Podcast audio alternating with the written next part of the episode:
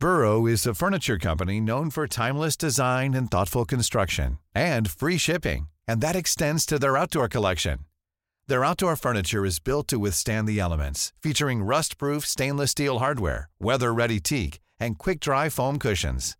For Memorial Day, get 15% off your Burrow purchase at burrow.com slash ACAST and up to 25% off outdoor. That's up to 25% off outdoor furniture at burrow.com slash ACAST. Since 2013, Bombas has donated over 100 million socks, underwear, and t-shirts to those facing homelessness. If we counted those on air, this ad would last over 1,157 days. But if we counted the time it takes to make a donation possible, it would take just a few clicks. Because every time you make a purchase, Bombas donates an item to someone who needs it. Go to bombas.com slash ACAST and use code ACAST for 20% off your first purchase. That's bombas.com slash ACAST, code ACAST. Millions of people have lost weight with personalized plans from Noom, like Evan, who can't stand salads and still lost 50 pounds. Salads, generally, for most people, are the easy button, right? For me, that wasn't an option. I never really was a salad guy. That's just not who I am. But Noom worked for me. Get your personalized plan today at Noom.com. Real Noom user compensated to provide their story. In four weeks, the typical Noom user can expect to lose one to two pounds per week. Individual results may vary.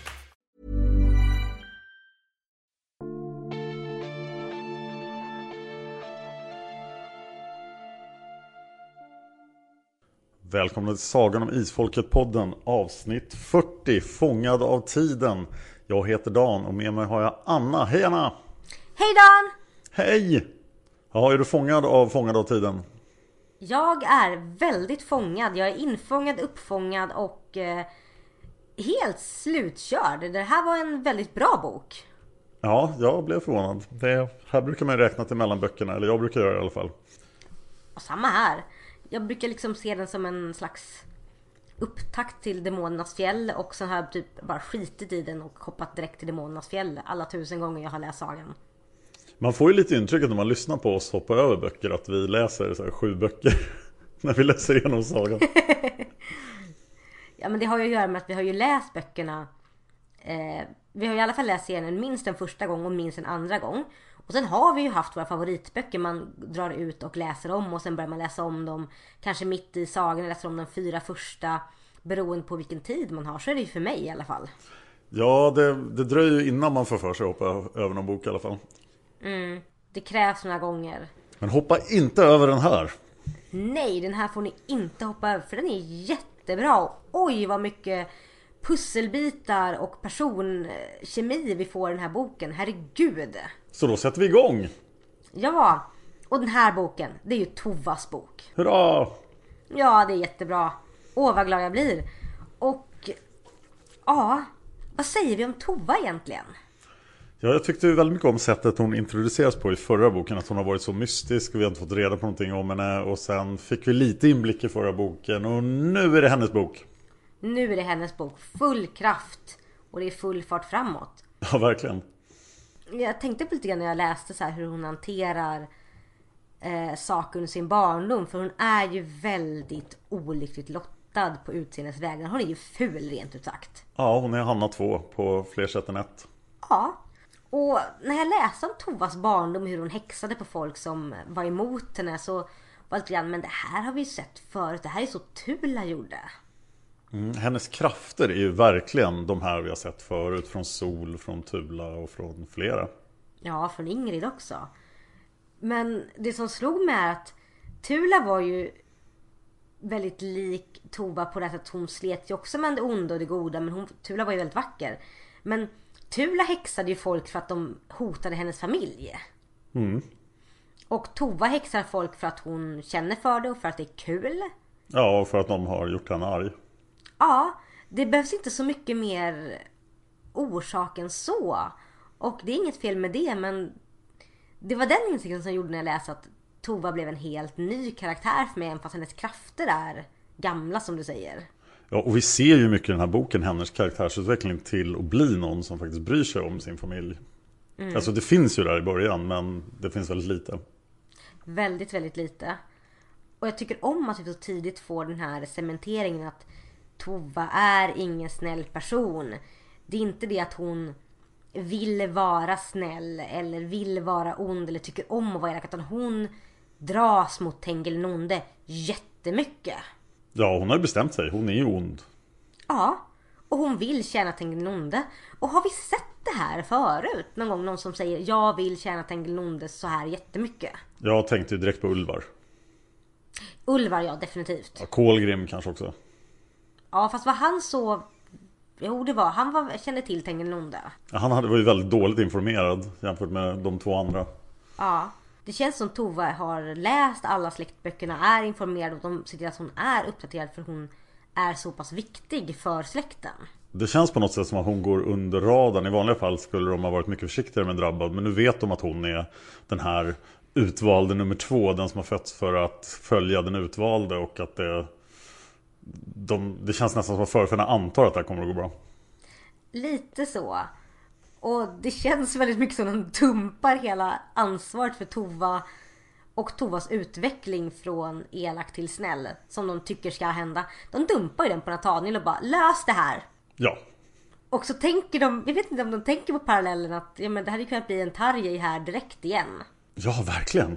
Det är ju Kolgrim och Tarjei på nästan. Ja men eller hur? Och förfäderna saknar totalt konsekvensanalys och bara Men det blir jättebra det här Nathaniel. Ta hand om den här onda drabbade som uppenbarligen inte är så pepp på att vara god. Det har vi aldrig haft förut. Det kommer aldrig sluta dåligt. Man bara eh, alltså jo. Det har slutat jättedåligt. Jag hoppas att förfäderna, eller jag tycker att förfäderna borde använda mer av sin eh, ofantliga fritid till att studera släktkrönikorna själva och tänka igenom just vad kan hända, vad kan gå fel, vad kan vi göra för att allting ska bli bättre.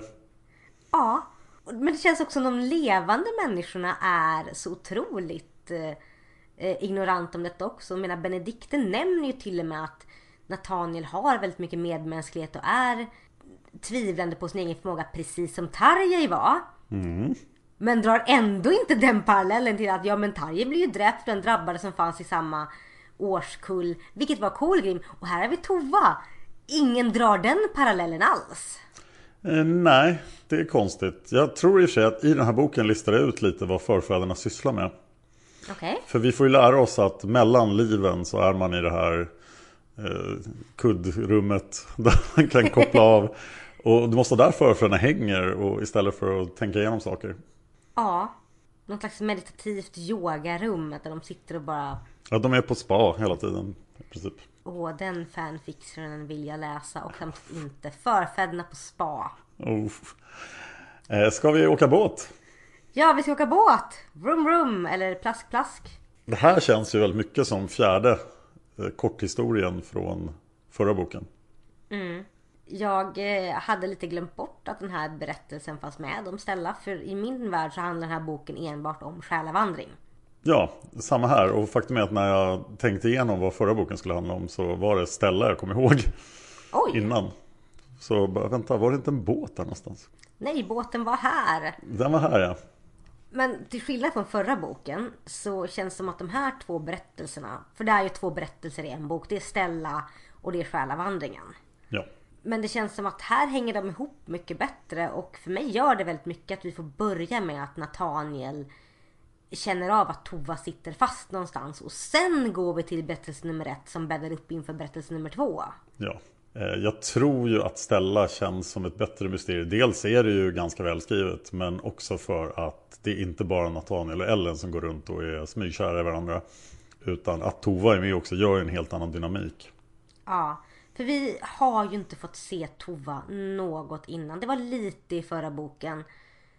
Men det är som du säger, hade det bara varit Ellen och Nathaniel hade det här varit helt outhärdligt att läsa om. Men nu vill jag liksom att Stella-berättelsen ska fortsätta för att jag får se hur Tova funkar i relation till andra isfolksättlingar, i relation till andra människor. Jag får se hur hennes krafter funkar och jag får se hur hon faktiskt tänker och tycker och hur hon faktiskt är. Ja, jag var ju positiv till de här korta historierna. Jag skulle kunna läsa fler men eh, jag skulle vilja ha Tova med nu också i dem. Mm. Det är ju bra att vi fick förra bokens uppbyggnad av Nathaniel och Ellen så vi förstår varför de går och suktar efter varandra. Mm.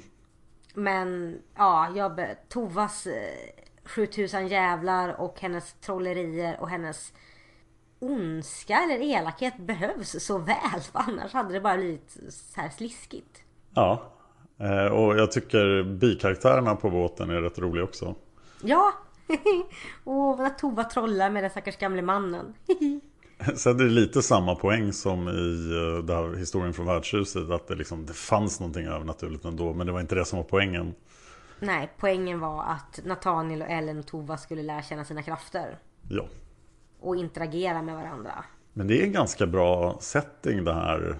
Båten på sin sista färd och de höga vågorna och det hemska revet och ja, någon slags krimgåta där också. Så att ja, Ja, funkar. igen, det känns väldigt brittisk den här deckarhistorien. Jag vet inte varför jag får en brittisk känsla men det känns eh, liksom...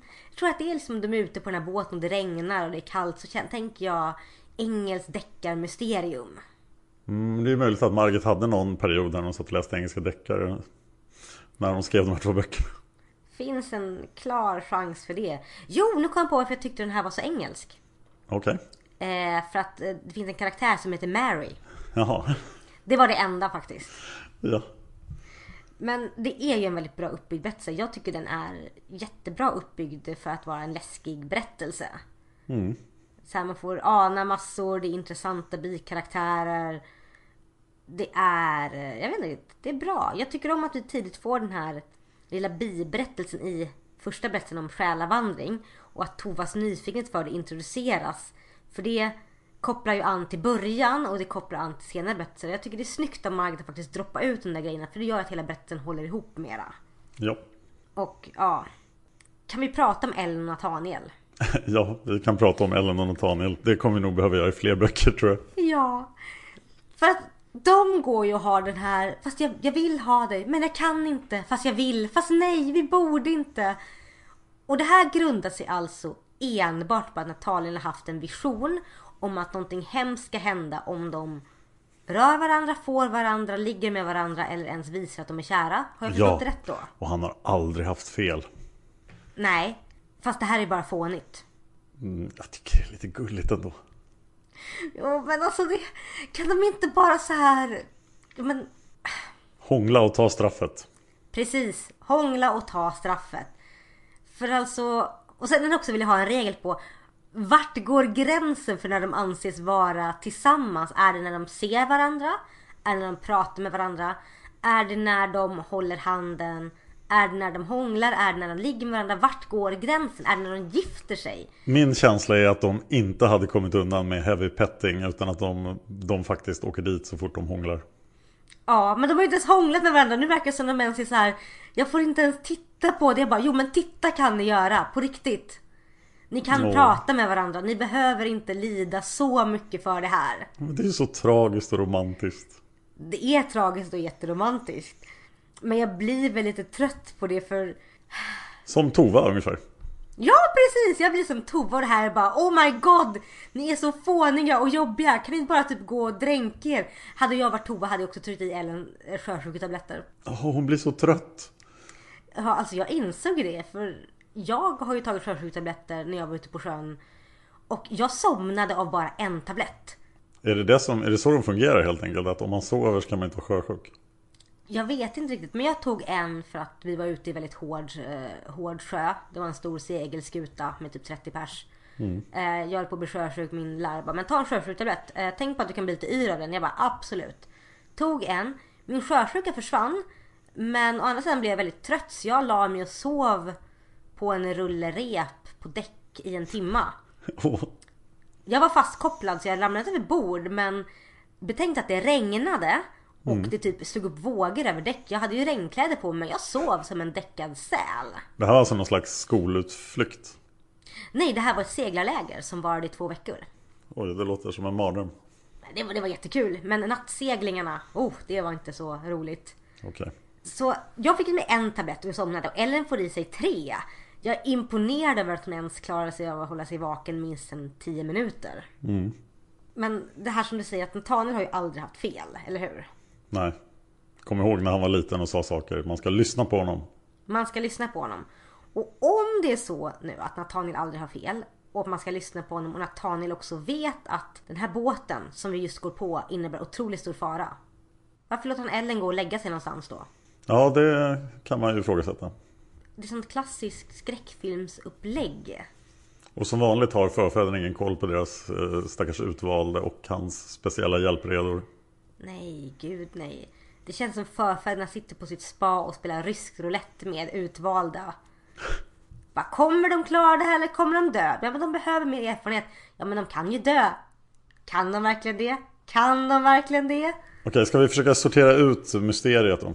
Ja, kör du. Det är alltså eh, gubben som hamnar i vattnet. Som Ja. heter Fredriksen. Fredriksen. Ja. Han har vunnit på lotteriet och eh, ska nu göra rätt för sig med sin dotter Björg.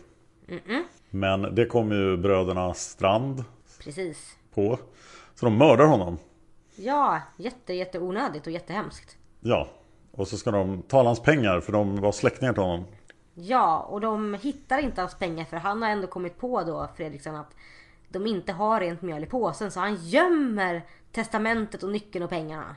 Ja. Och, eh, och Mary tycker så, Åh nej, mitt ex, så här, han, han dog och trist.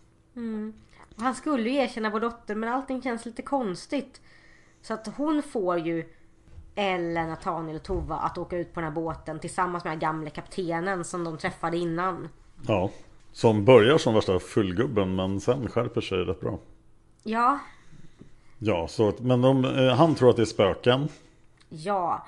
Och det har ju försvunnit inte bara Fredriksson utan också en annan kille som då är Strandbrödernas kusin som de hade ihjäl för att han vill ha procent av saker. Just det. Så att det har ju försvunnit folk på båten vilket gör att ingen vill åka med den längre vilket gör att det här kommer bli båtens sista färd. Precis. Så nu måste det redas ut vad det är som pågår. Mycket ödesmättat, mycket snyggt också. Vinsnäs heter kaptenen. Ja, Vinsnäs.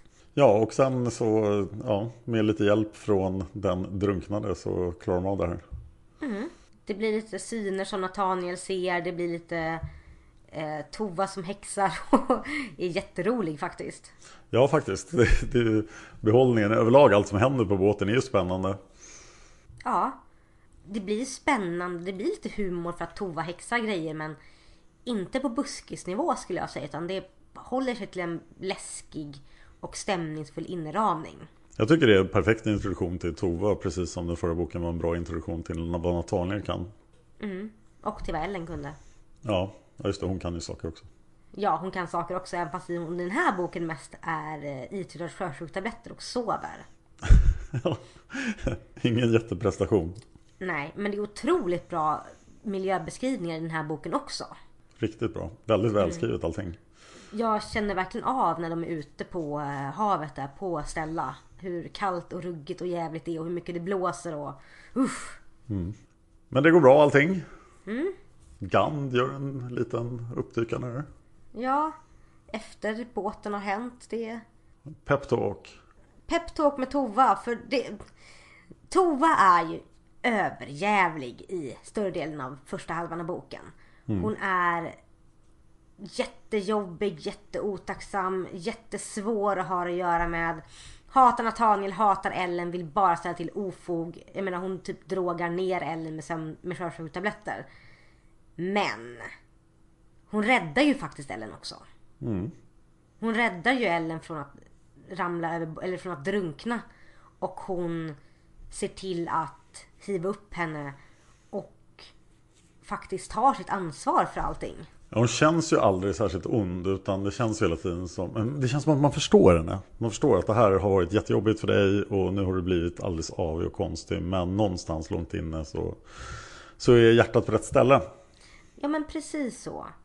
Och den här scenen som var i början, som vi faktiskt helt hoppade över, men den här när Nathaniel och Tova går till kyrkogården för att träffa förfäderna. Ja just det Som är, den är fin men den gör inte så jättemycket för mig. Eh, Det är mer lite fint. Ja Och där kommer ju Gant första gången. Men det som Ulf Hedin säger där är att ja, vi hade ju också svårt, vi andra som var drabbade också. Och Tova som poängterar, ja fast ni är faktiskt män. Eh, och, ni alltid, och det har alltid blivit bedömt på ett annat sätt. Liksom, hade Hanna några män liksom? Hallå? Och det är en så otrolig uppvaknande för att man tänker liksom, ja men även de fula isfolkningarna fick ju något till slut. Ja, de fula männen, för vi har bara haft fula män. Vi har inte haft någon jätteful drabbad kvinna. Benedikte var på den milda skalan. Ja. Och jag tror att just när hon sa det där, då slog det verkligen att shit vad jobbigt det måste vara att i så många år har gått och längtat och väntat på någon och vilja öppna upp sig men bara skapa det här taggiga skalet. Mm. Det är fint. Och sen så klantar ju Nathaniel till det där efter båten genom att han blir jättearg på Tove och säger att hon inte bryr sig. När hon bevisligen brytt sig men hon kan ju inte säga det för hon är så taggig. Ja, jag tycker det funkar väldigt bra. Det känns som en trovärdig reaktion från honom och från henne också. Ja. Hade det varit en annan karaktär hade jag ju tänkt att ja men varför säger du inte bara till Nathaniel Tove att du faktiskt räddade Ellen? Men här förstår jag att nej varför ska hon säga det? Mm, alla bara tror skit om mig ändå. Ja men precis. Varför, varför ska hon ens försöka? Nathaniel försöker ju inte heller. Och sen så är han så kär i Ellen så att han typ blir... Hans omdöme blir ju helt uh, upp i det blå. ja. Vad tycker du om Gans peptalk då? Alltså det är ju fint att han kommer och faktiskt försöker prata med Tova om så att jag förstår hur du menar det var fel och tänk på de här grejerna och försök ändå. Eh, jag kan ju inte hjälpa att känna att Gand fortfarande känns väldigt som en pappfigur. För jag får inte något intryck av honom alls när han sitter och peptalkar. Det är ett fint peptalk. Men det hade kunnat ges av vem som helst annars. Ja, och jag tycker det är intressant att det är det här han väljer att åtgärda. Inte själva livsfaran som folk har svävat i. Nej, nej, nej. Gand är tydligen till för små sporadiska inhoppanden för att peppa upp folk genom moraliska tal. Och ja, det är det han gör. Rädda folk på sjukhus också. Mm. Så bra Gand eller något. Ja, fortfarande väldigt eh, alltså konstig figur. Du vet han är rödhårig, väldigt auktoritär och jättevacker. Men han... Jag vet inte riktigt. Det är någon slags motsvarighet till en superhjälte. Och ungefär lika menlös. Ja, superhjältar gör mer saker än vad han gör. Ja, det är sant. Så, trots hur bra mysteriet än är så är det ju lite transportsträcka. Det är en transportsträcka helt klart. För det är definitivt väldigt- andra halvan av boken som är behållningen. Vad skulle du säga?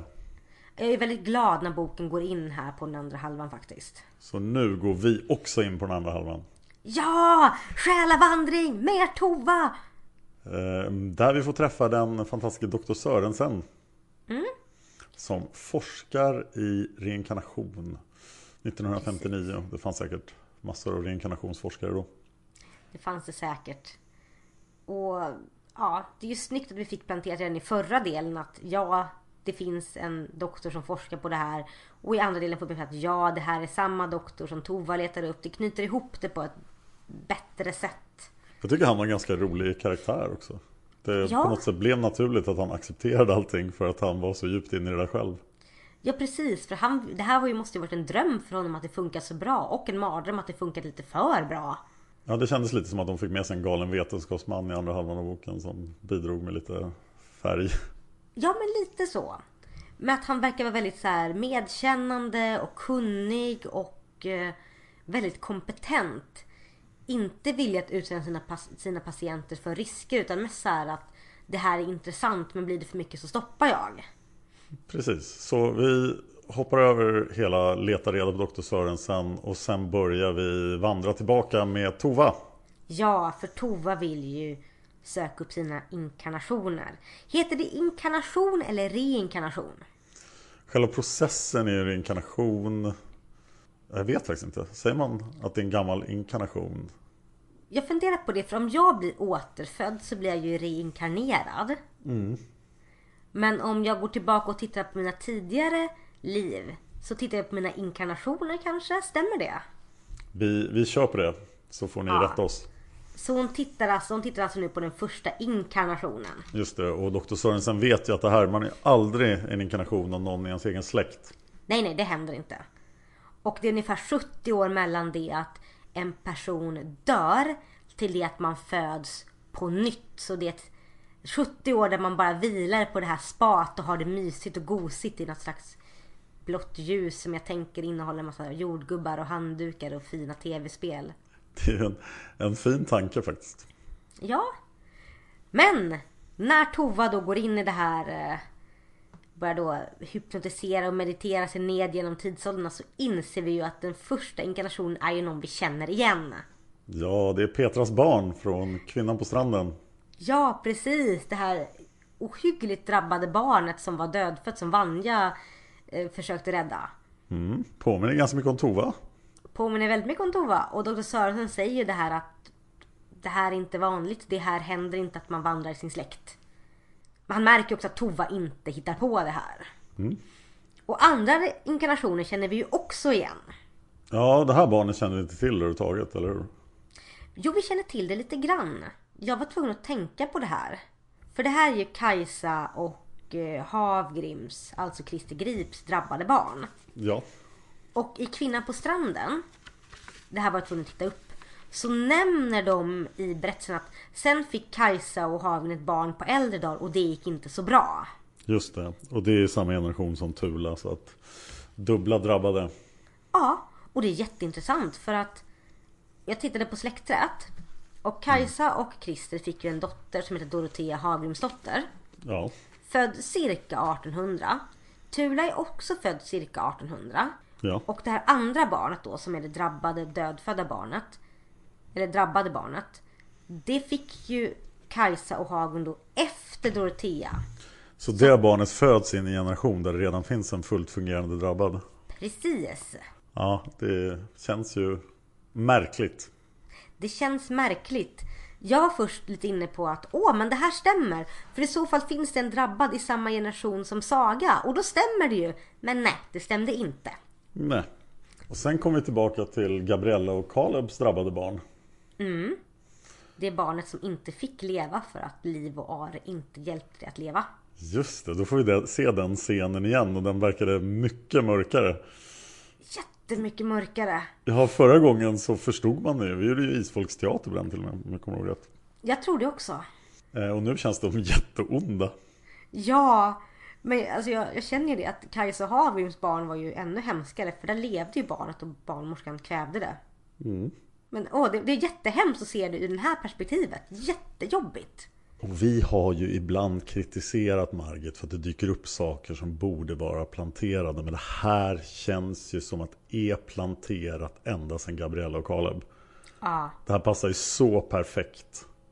och det blir ju ännu mer perfekt när vi får reda på vem den fjärde inkarnationen är. För då satt jag ju bara och nästan skrek rakt ut. För jag kände bara, det stämmer! Ja! Heja Margit! Hej Hanna! Heja Hanna! Ja, go Hanna! Go Hanna! För att Tovas fjärde inkarnation är ju Hanna, häxan Hanna av isfolket. Och här blir det ju riktigt, riktigt bra för här tar ju Hanna över Tovas kropp. Ja, och eh, har sin typiska skurkförklaring. Mohahaha, jag har velat bli återfödd så länge men jag har he- blivit hindrad hela tiden och min högsta önskan är att få känna Tengen Nonde men också att få en del av det svarta vattnet. Ja. Och den känns helt logisk. Ja, och nu kan hon tydligen det. För, men hon tillbringar hela sitt liv dalen och då kunde hon inte göra det. Vänta nu här. Jätteologiskt. Ja, hon kom väl inte förbi skenbilden då. Men nu, nu kan skenbilden bli så distraherad. För att det pågår så mycket annat. Ja, kan tänka mig att när eh, de, hon väl var i dalen så var det ju så väldigt strikt hållet där också. Men just det här med att när Hanna har sin monolog och förklarar liksom att hon velat bli återfödd så många gånger men det stoppats. Då blir det den här planteringen som eller så här, då blir det den här så solklart varför det inte har fötts någon ful drabbad flicka under hela Isfolks historia. Och det här som sägs känns ju väldigt medvetet gjort av Margit och jag förlåter henne i princip allting för det här. Det känns nästan som att det här var en tanke som hon hade redan i första boken. Ja, För Hanna är ju en väldigt stark karaktär i första boken. Och jättestark. andra boken. Och de har ju pratat om henne ofta. Hon har, verkar ha gjort intryck. Ja precis, jag menar Silje döpte ju sin dotter till efter Hanna. Jag menar Liv Hanna har vi ju. Och hon gjorde så otroligt intryck på Sol framförallt. Så att Hannas inflytande har ju levt kvar i så många generationer efter att hon gick bort. Så att det här känns bara fullkomligt logiskt. Och det här måste ju vara ett aktivt Någonting som pågår nu. Alltså Tova har fortfarande Hanna i sig på något sätt. Och när Hanna får en chans att göra det Så, så kommer det här att hända. Ja men precis. Det är inte, jag tänker mig att det inte är så att de två delar kropp och sen kan Hanna putta undan Tova när de vill. Men Hanna är ju Tova och Tova är Hanna. Mm. På ett väldigt eh, rejält sätt. Och det här är lite läskigt när det händer för Dr. Sörensen blir ju helt skärrad och bara vad är det som händer? Där bryter de. De vill inte göra mer och hon beslutar sig för att det här måste göra på egen hand utan Sörensen.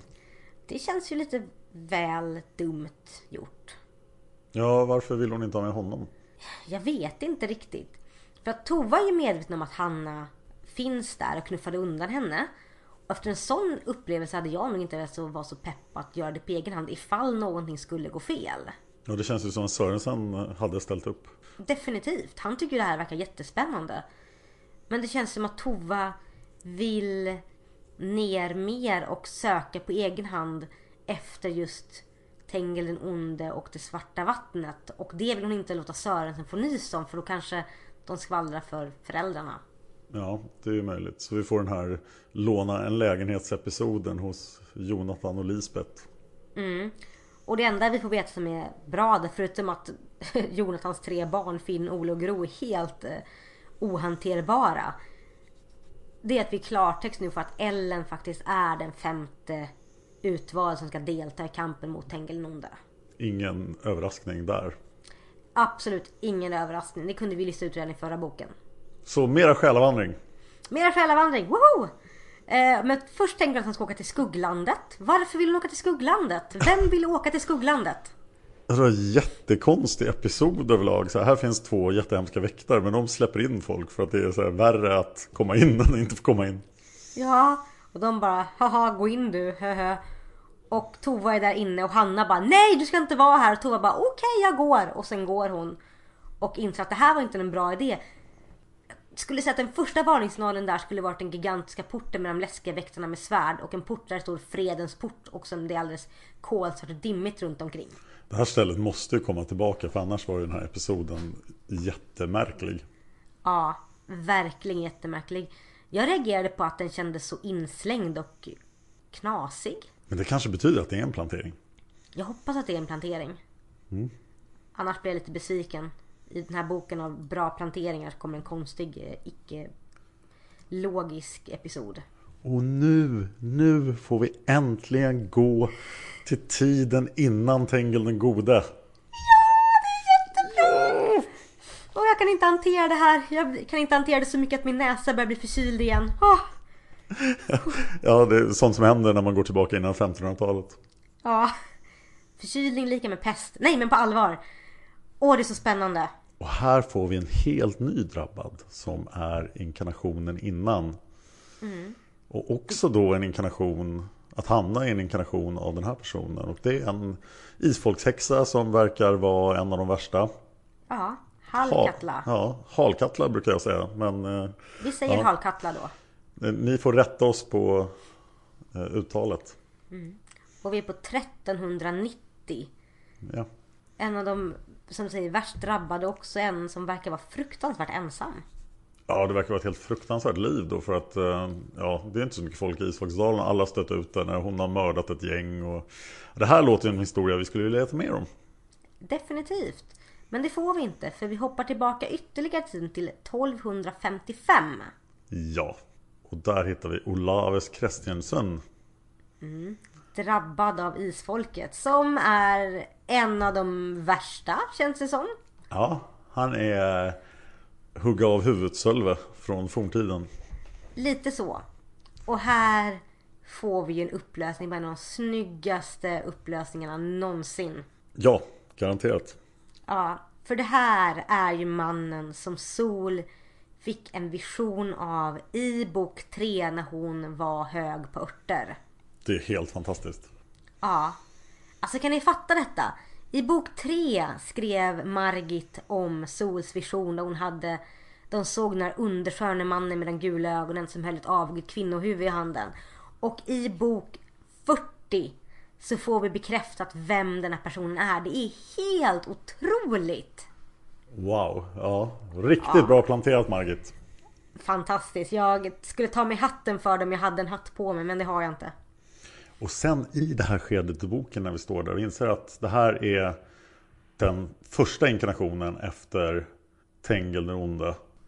Och Mm. hon vill gå vidare innan Tengel den ondes liv. Och då känner man ju verkligen att vad, varför det? Eller vad, vad kan vi vänta oss här? Vi har absolut ingen aning. Så att här blir det ju jätteintressant. Jätteintressant. Och det som vi också måste lägga till här är att Tova känner ju av under hela sin egna själavandring att Tengil onde är missnöjd med den här saken hon gör. Han jagar efter henne men hon vill fortsätta, hon vill gräva djupare, hon vill veta mer. Jag är imponerad av att han märker det här. Jätteimponerad. Han har definitivt bättre koll på isfolksättlingarna än vad isfolkets förfäder har. Och han är en person. Isfolkets förfäder är bevisligen många fler. Ja, han Och har de någon har slags, noll koll. någon slags process som bevakar forntiden ifall någon försöker stjäla andra tillbaka. Det är väldigt fascinerande här. Det är en väldigt snygg katt och råtta-lek vi får här när Tova hoppar tillbaka.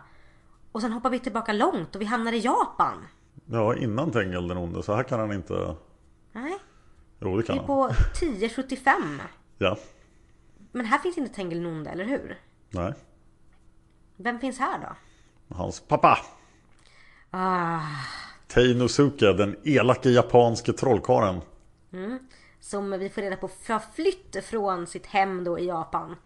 Ja, Och det är ju jättefascinerande för att medan vi vet att ja, isfolket kommer från Tarangai och deras vidder så får vi reda på att de kommer ursprungligen från Japan. det är ju ganska stort avslöjande. Det är ett jättestort avslöjande. Och det blir så mycket starkare. Ja, det är verkligen inte mm, Tovas eh, inkarnation här, Mashiko, som är något viktigt alls. Utan det är bara vad Mashiko vet eller får höra om, om vad Teinosuke har haft för sig. Ja, att han inte är en snäll person, att han är riktigt vidrig och vi kan mycket väl tänka att han är Tengels far. Ja, Och det är ju fortfarande en släktvandring tillbaka. Det här. ja. Och sen hoppar vi igen till 1100, nej, vi hoppar framåt tiden till 1181. Vi är fortfarande i Japan. Med, som Setsuko. Ja, en ny hovdam för det här är ju tiden då det är mycket strider om makten i Japan. Men det här är en hovdam och Tova vill veta mer men det går ju på röven här för här tar katt och slut. Ja, för här är då Nonde i livet. Och kan övervaka tiden. Mycket, mycket mer. Och det här är ju jättestarkt. Ibland har vi ju klagat över att Tengil Onde framstår som lite fånig. Och här framstår den inte som fånig. Nej, gud nej. Det här är jätteläskigt. Och här känns också som Tova får betalt för att hon faktiskt eh, verkar vara lojal mot honom. Eller ja, att hon tenderar åt den onda sidan. Så att han tror fortfarande att hon kan vara användbar. Ja. Annars hade ju hon varit torsk på två röda. Och så får vi också det lilla avslöjandet att inom fyra år så smäller det.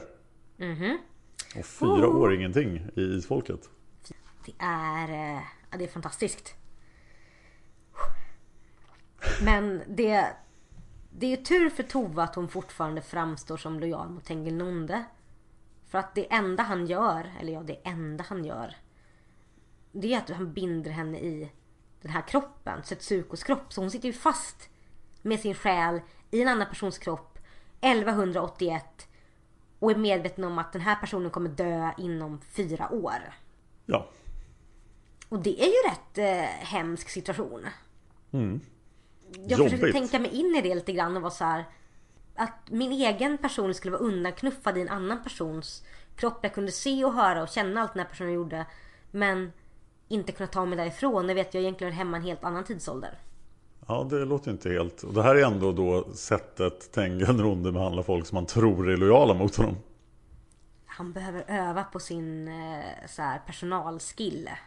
Ja, Alltså lite, han behöver lite mer så här: join Tengil onde, det blir kul och inte bara join me, I will lock you up and beat the shit out of you. typ.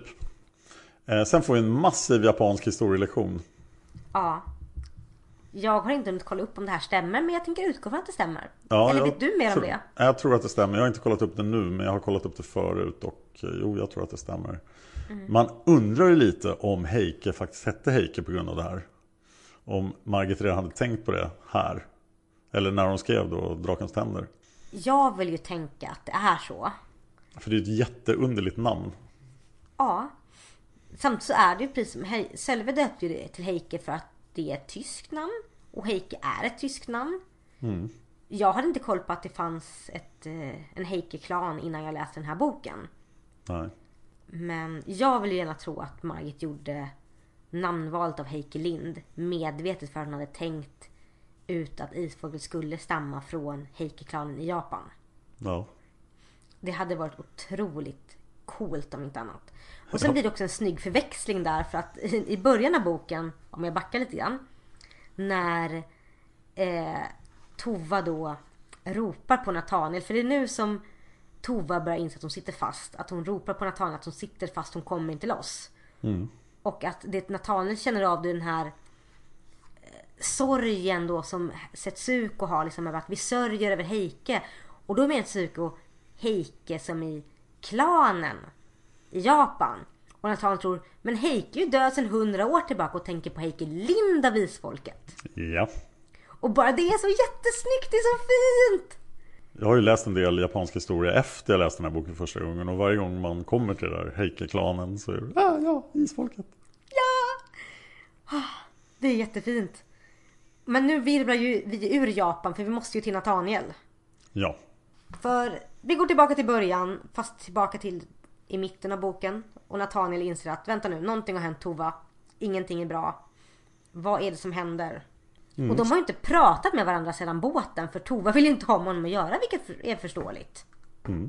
Så vad gör Nathaniel? Han ger sig ut tillsammans med Jonathan för att ta reda på hur det ligger till här. Och de lyckas spåra upp henne. Och Jonathan får någon slags biroll här där han...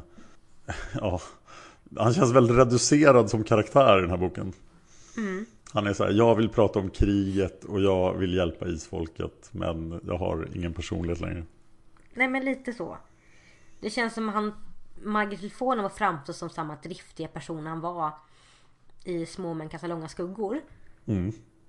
Och det kanske hade kunnat funka om inte vi haft så väldigt starka personer redan i den här boken. Ja, han kanske bara helt enkelt hamnar i skymundan av Nathaniel Tova. Men det känns som att han hamnar i skymundan av Dr. Sörensen också. Som är en mycket intressantare karaktär. Ja men lite så. Det känns som att vi måste ha en isfolksättling som är med i det här så inte bara handlar om Nathaniel Tova. Vem kan vi ta som inte är Ellen?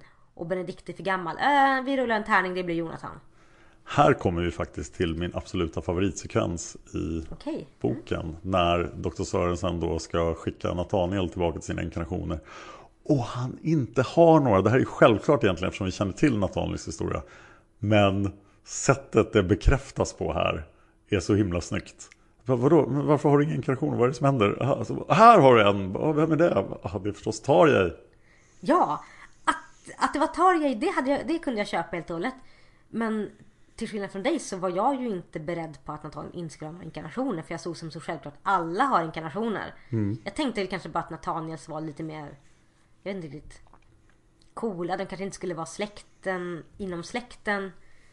Så det blev jätte, jätte udda när han inte hade några. Och sen att det var Tarjei och sen inte några alls. För det, det bekräftar så mycket att han är helt unik i isfolket. Ja, jag tycker det var jättesnyggt. Ja, wow.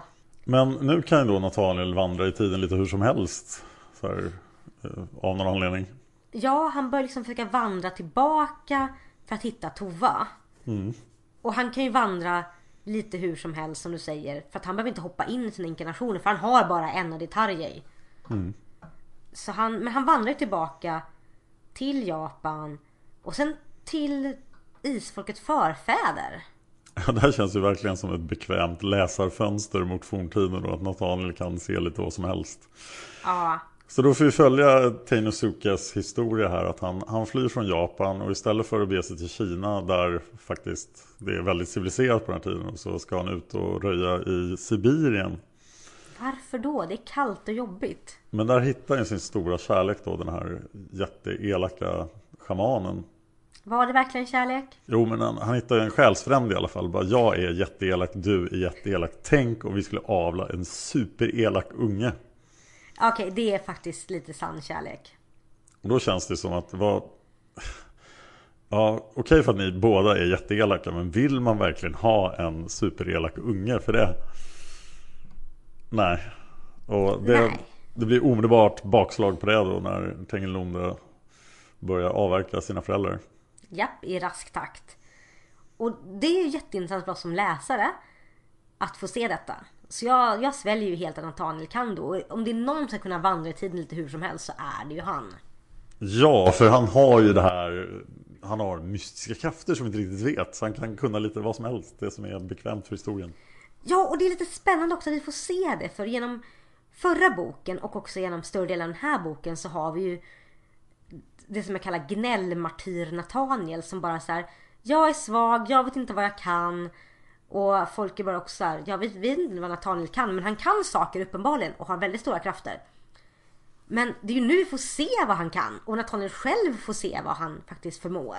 Ja Och det är väldigt bra för då, slipp, då, då slipper jag gnällmartyr Nathaniel. Ja, den här historien vill vi ha berättad för oss och det här är ett sätt att berätta den så att det, det hade kunnat vara mycket sämre. Mycket, mycket, mycket sämre. Att Tengelronde hade bestämt sig för att göra någon jättemonolog och berätta sin historia senare eller något. Äh, det här, gud. nej, det här fungerade bra tycker jag. Ja. Och det fungerar ju ännu bättre i och med att vi fortfarande har mysteriet med att Nathaniel måste vara fattig Tova och han hittar henne inte. Nej. Nej. Så vi har ju inte bara det att det känns som en grej för oss läs utan vi har ju liksom att vi måste få tillbaka Tova för att hennes åt, hennes inkarnationstid håller på att rinna ut väldigt, väldigt, väldigt snabbt. Ja. Och till slut så lyckas ju Nathaniel hitta Tova när han typ lägger sig bredvid henne och färdas tillsammans med henne bakåt.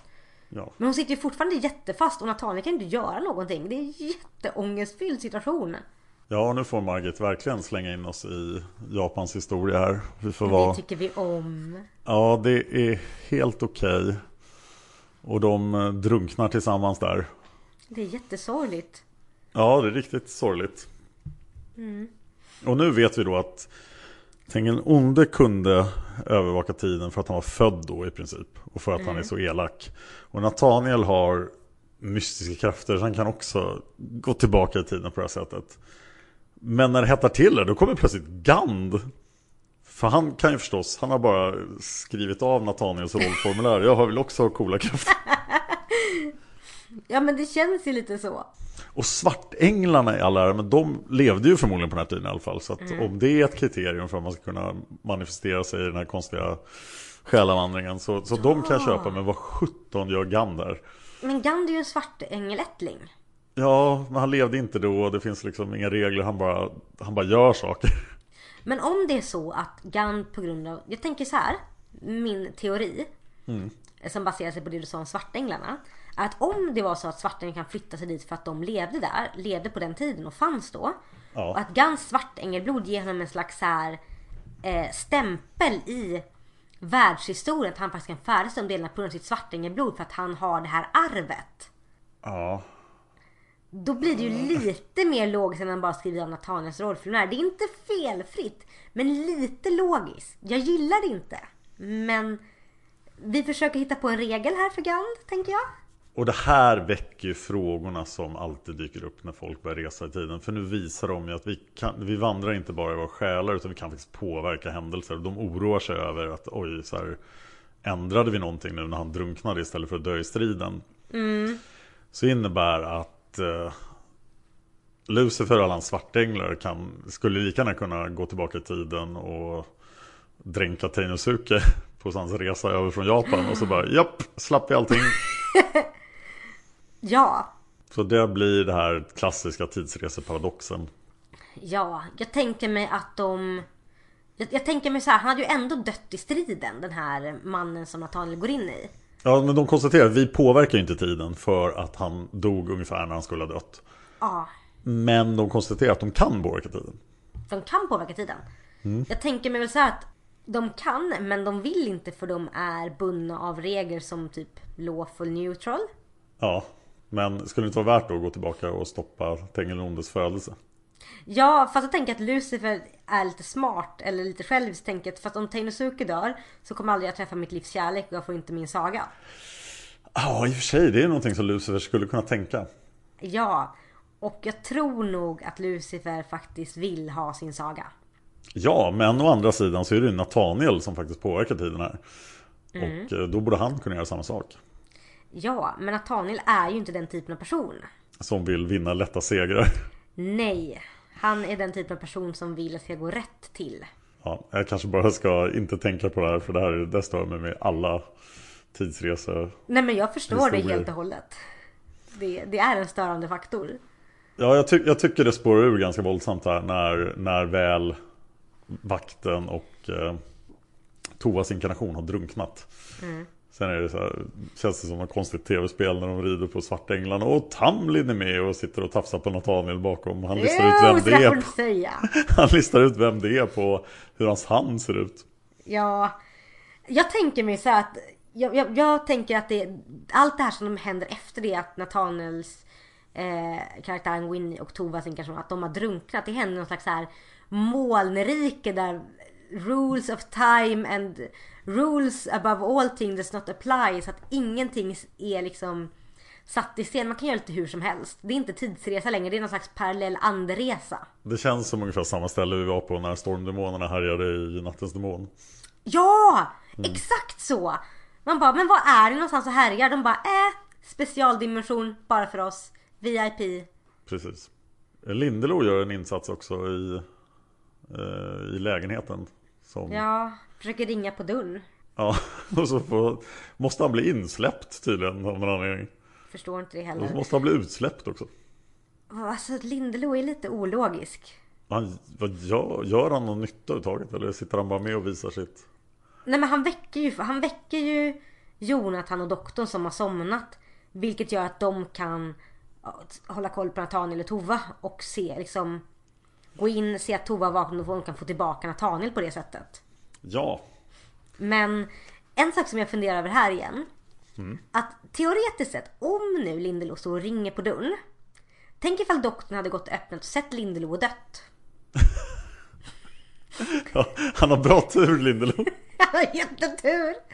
För det hade ju kunnat hända. Det hade kunnat hända. Ja, men här känns ju inte som att han har manifesterat sig överhuvudtaget. Utan Tova ser honom bara för att han...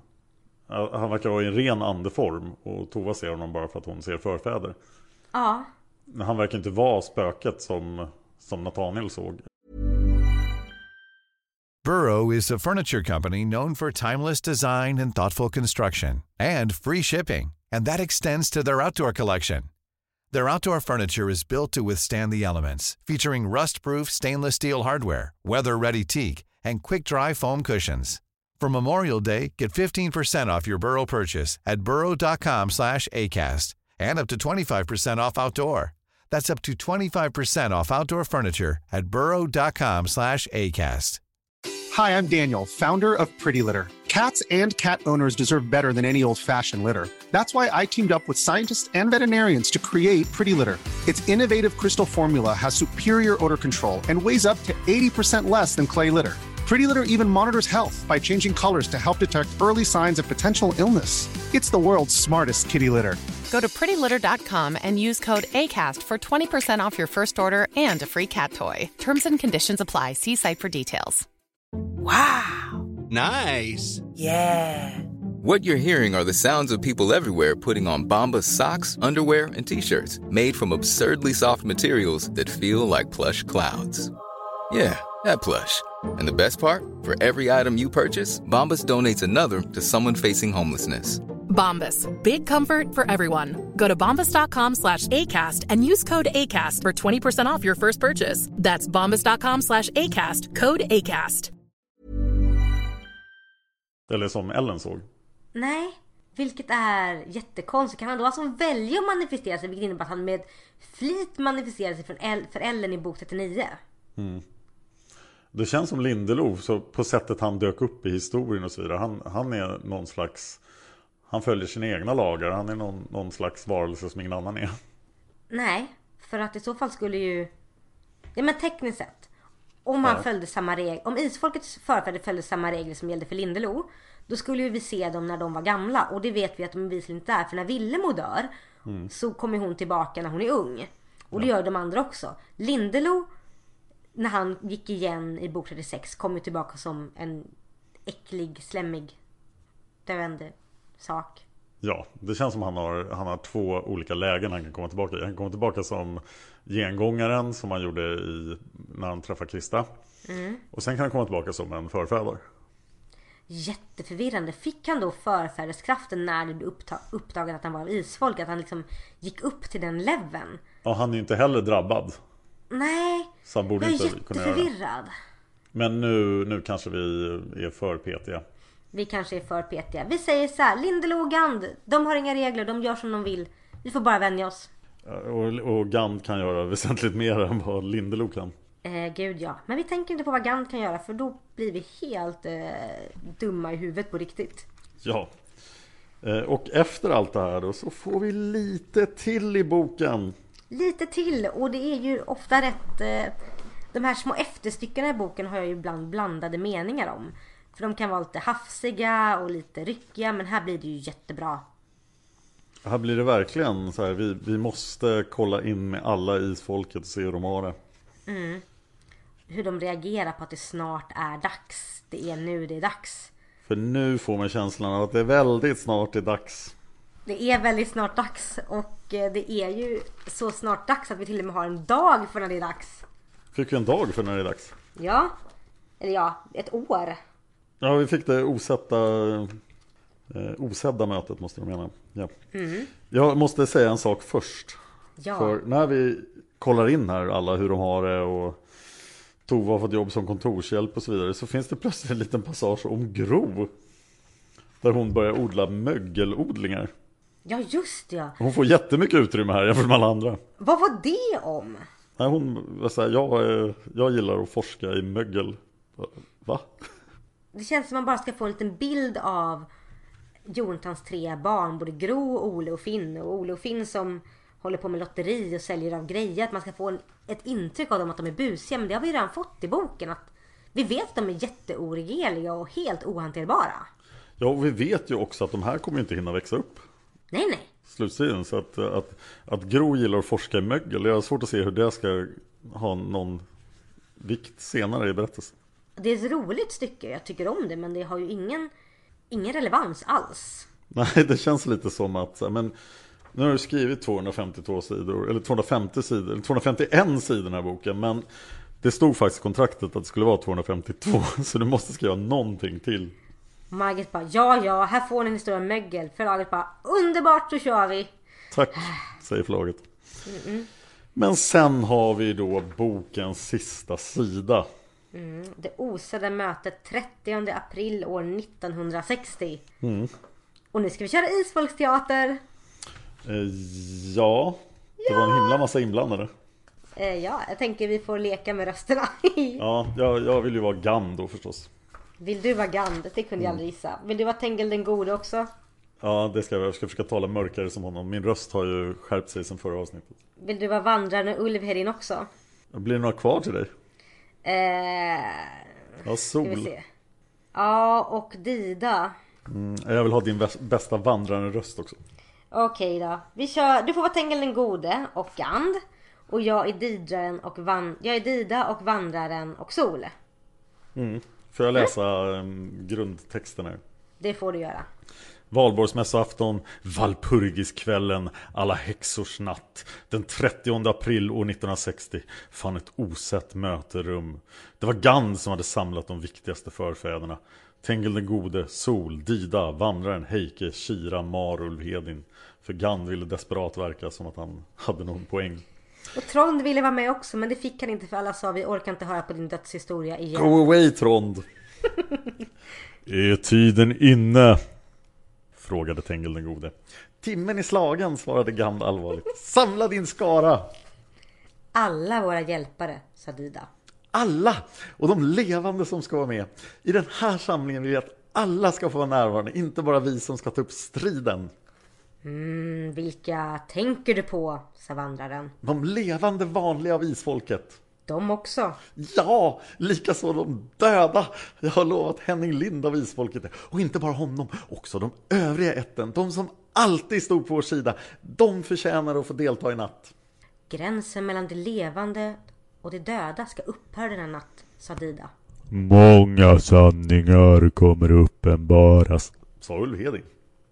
Och många gåtor lösas inför sol. Men kan vi ta med de äkta makar som har följt isfolket så troget genom åren? Frågade Heike. Några få, sa Gan till slut. Ja, i varje fall Silje. Och Elisa, sa Tengil den gode. Hon betydde mycket för rätten. Och Ulvedin rosslar i törn. Alexander Paladin. Ja, ja, whatever, sa Sol och, tyckte, och ryckte på axlarna. Eh, Heike vände sig till vandraren. Hur är det med Tengil den onde? Sover han? Mm, inte djupt nog. Då brådskar det. Så väck dem alla, sa Gan. Timmen är äntligen slagen. Isfolket ödestimme. Gud vad Gand låter irriterande. Ja, han kanske blev lite för check. Jag tänker med honom som rätt check. Sen har vi det här eh, tacket till Dr. Leif Lundberg som då har kört igenom Margits inkarnationer. Det är ju jättespännande. För det lägger lite extra tyngd till boken att Margit faktiskt har provat på det här själv. Ja, det var ju väldigt intressant. Eh, alltså det här stycket är ju, nu känner jag att jag förstörde lite med min gandröst, men det är ju fantastiskt spännande. Någonting ska hända. Massa personer ska vara inne, alla som lever, alla, som är döda. Fast sen liksom, nej inte riktigt alla. Men också folk som inte är isfolket men som haft intryck på isfolket genom århundraden ska också få vara med. Ja, och vad tycker vi om det urvalet? Silje, Elisa och Alexander Paladin. Silje ja, Elisa ja, Alexander. Först tänkte jag nej. Men så tänkte jag ja för att utan honom hade isfolket gått under de första årtiondena. Man vill ju att det ska vara så många som möjligt. Ja. Så att alla, ja, jag tycker ja på alla. Men är det någon, någon som saknas här som känns viktig kanske? Av de ingifta. Ja. Som Sigrid. Nej, inte Sigrid. Nej, Sigrid. Var gift med Tengel den tredje, eller hur? Ja. Oj vad du kan. Jag har släktträd uppe. Jaha. Det har jag också. Jag tänker väl kanske att... Ja. För man, man tänker ju att det, det blir lite orättvist på något sätt. där. här får ju... Då känner vi att vissa kommer att få träffa sitt livs kärlek då som de kanske inte har sett på 400 år som Tengil den gode. Medan andra kommer att komma dit och få reda på att nej, men di- ditt livs kärlek var inte tillräckligt viktigt för att komma med. Nej. Jag tänker väl kanske att Dag hade varit viktig. Ja, Dag borde få komma. Ja, Dag är ju liksom ändå adoptivson till Tengil och Silje. Och Ja. gift med Liv. Sen tänker jag att Yrja är viktig också. Ja, Utan Yrja hade ju Kolgrim varit väldigt mycket jobbigare att ta tag i. Samma sak tänker jag, Kaleb är jätteviktig. Jag tänker eh, Kol är jätteviktig. Thomas. Men hur gör... Ja, Thomas, Thomas är jätteviktig. Eh, vilka tycker ni borde få komma på vad det nu är för någonting de ska få komma på? Berätta det för oss i kommentarerna. Ja, Gjört. Och de får ju komma till någonting som kommer att ta väldigt lång tid att podda om. Nästa bok, Demonernas fjäll, framröstad i den förra omröstningen som den bästa boken i hela Isfolksagan. Bättre än Trollbunden, bättre än Avgrunden. Det är rätt fräckt. Ja, och det kommer vi alltså podda live i Göteborg på Gotcon, på gymnasiet som heter Hvitfeldtska. Och det sker alltså på påskafton 2017 den 15 april klockan 16 om jag inte minns fel. Precis. Och eh, om, ni inte, om ni kommer dit och inte vet var det är så sök upp Isis. För där vet de var det är någonstans om inte annat. Ja. Där eh, det är ett nördfeministrum som jag arrangerar och om inte jag är där så är någon där som definitivt kan visa er vart både jag och Dan kommer att podda. Ja, och det här är det sista avsnittet innan livepoddningen. Så det kommer bli ett två veckors uppehåll av podden. Det kommer bli alltså ett fyra veckors uppehåll, ett två veckor extra långt uppehåll. Och sen kommer då det här gigantiska avsnittet som kommer att bli väldigt långt, tror jag. Jag tror det kommer bli jättelångt. Vi har, vad är det, sex timmar på oss. Det känns som att vi kanske borde hinna klart men jag är inte helt säker. Och vi har ju lite nya idéer om hur vi ska livepodda. Så det kommer inte att bli exakt som det var förra året när vi gjorde Dödens trädgård. Nej, det finns mycket, mycket spännande idéer. Jag har idéer på trumpeter någonstans men jag vet inte hur jag ska få in det riktigt. Oj, spännande. Men så är ni i Göteborg under påskhelgen eller känner nu under det här uppehållet som kommer vara efter det här avsnittet att oj, jag kan verkligen inte klara mig utan isfolket. Skaffa biljetter om ni kan. Bunta upp en bil med isfolkfan. Åk till Göteborg och Hvitfeldtska och var med när vi poddar live. För vi vill jättegärna ha så många av er som möjligt där. Vi älskar att få input från er. Både på forumet, på Facebook och överallt annars. Så det hade varit jättekul att verkligen få den inputen på riktigt IRL så att säga. Och det kostar ingenting att komma. Gotcon kostar pengar men ni får smyga in gratis. Ja, precis så är det. Heja Gotcon! Skyll på mig. Jag Om någon säger dig. någonting. Men nu tror ni att vi klarar en bok 40, men det är vi inte. Utan vi har lite, lite diskussionspunkter här efter boken. Ja, jag har... Den stora huvudfrågan för mig är efter den här boken det är att hur fungerar Nathaniel överlag? Och då tänker jag fråga dig först om. Vad tycker du om Nathaniel nu? Nu har vi fått se honom som vuxen i två böcker. Hur fungerar han? Ja, jag tror väl jag sa det här förra gången och det har bara förstärkts att eh, Det känns som att man väntar sig en utvald som var jättemäktig men så har vi redan fått Marco och Imre Gand eh, Och mer av det vill vi inte ha utan här är någonting fullständigt nytt Det är Nathaniel har är en märklig och djup person och det är väldigt oklart vad han kan och så, Jag är väldigt nyfiken på honom i det här läget Och jag tycker det fungerar jättebra, vad tycker du? Jag tycker att... Eh, jag tycker det är bättre med Nathaniel som barn. När han var eh, allvetande. I förra boken tyckte jag om honom rätt hyfsat bra. I den här boken så börjar jag känna att han är lite som sagt gnällmartyr Nathaniel. Men när han börjar komma till insikt om vilka krafter han har och när vi får se vilka krafter han har och vad hans styrka ligger i.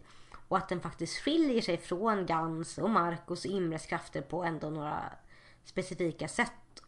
Så blir det lite bättre. Framförallt känns ju Nathaniel väldigt mycket mer som en person och inte som en superhjälte med eh, tusen olika krafter som han bara slänger loss och sen har han ingen personlighet. Ja, och så hade det ju lätt kunnat bli om han hade fortsatt vara ett allvetande underbarn. Ja.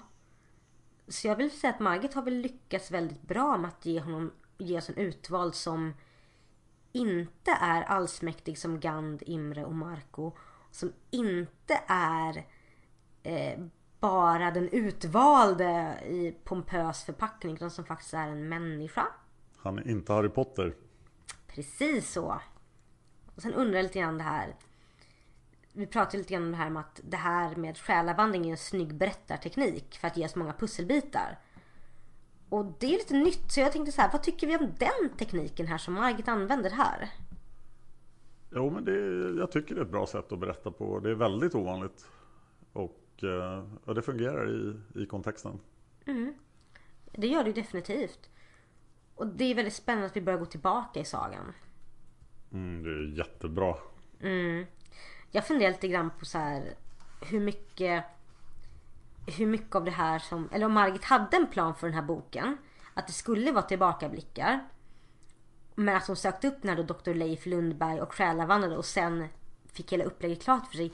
Eller om hon sökte upp Leif Lundberg för att uppleva en själavandring för hon hade upplägget klart för sig innan att det skulle vara själavandring. Jättebra fråga.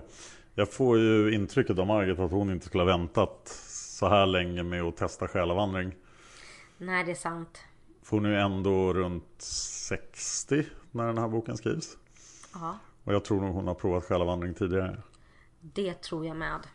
Så jag tror valet av Dr. Leif Lundberg var ett eh, initierat val. Att hon visste vem, vem som var den bra inkarnationsdoktorn. Ja, men det, jag tycker det är fantastisk berättarstil vi får här. Det, det är tydligt att Margit utvecklats så mycket under de här åren som författare. Och Ja. att eh, vissa böcker har bara hafsats igenom på grund av tidsbrist men den här boken känns genomarbetad. Definitivt. Mm. Och det känns som en bra uppbyggnad nu inför Demonernas fjäll. Ho, ho. Jag vet! Så spännande!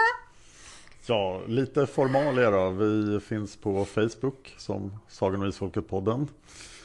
Eh, och eh, vi har ju ett forum som man hittar när man går på isfolket.se.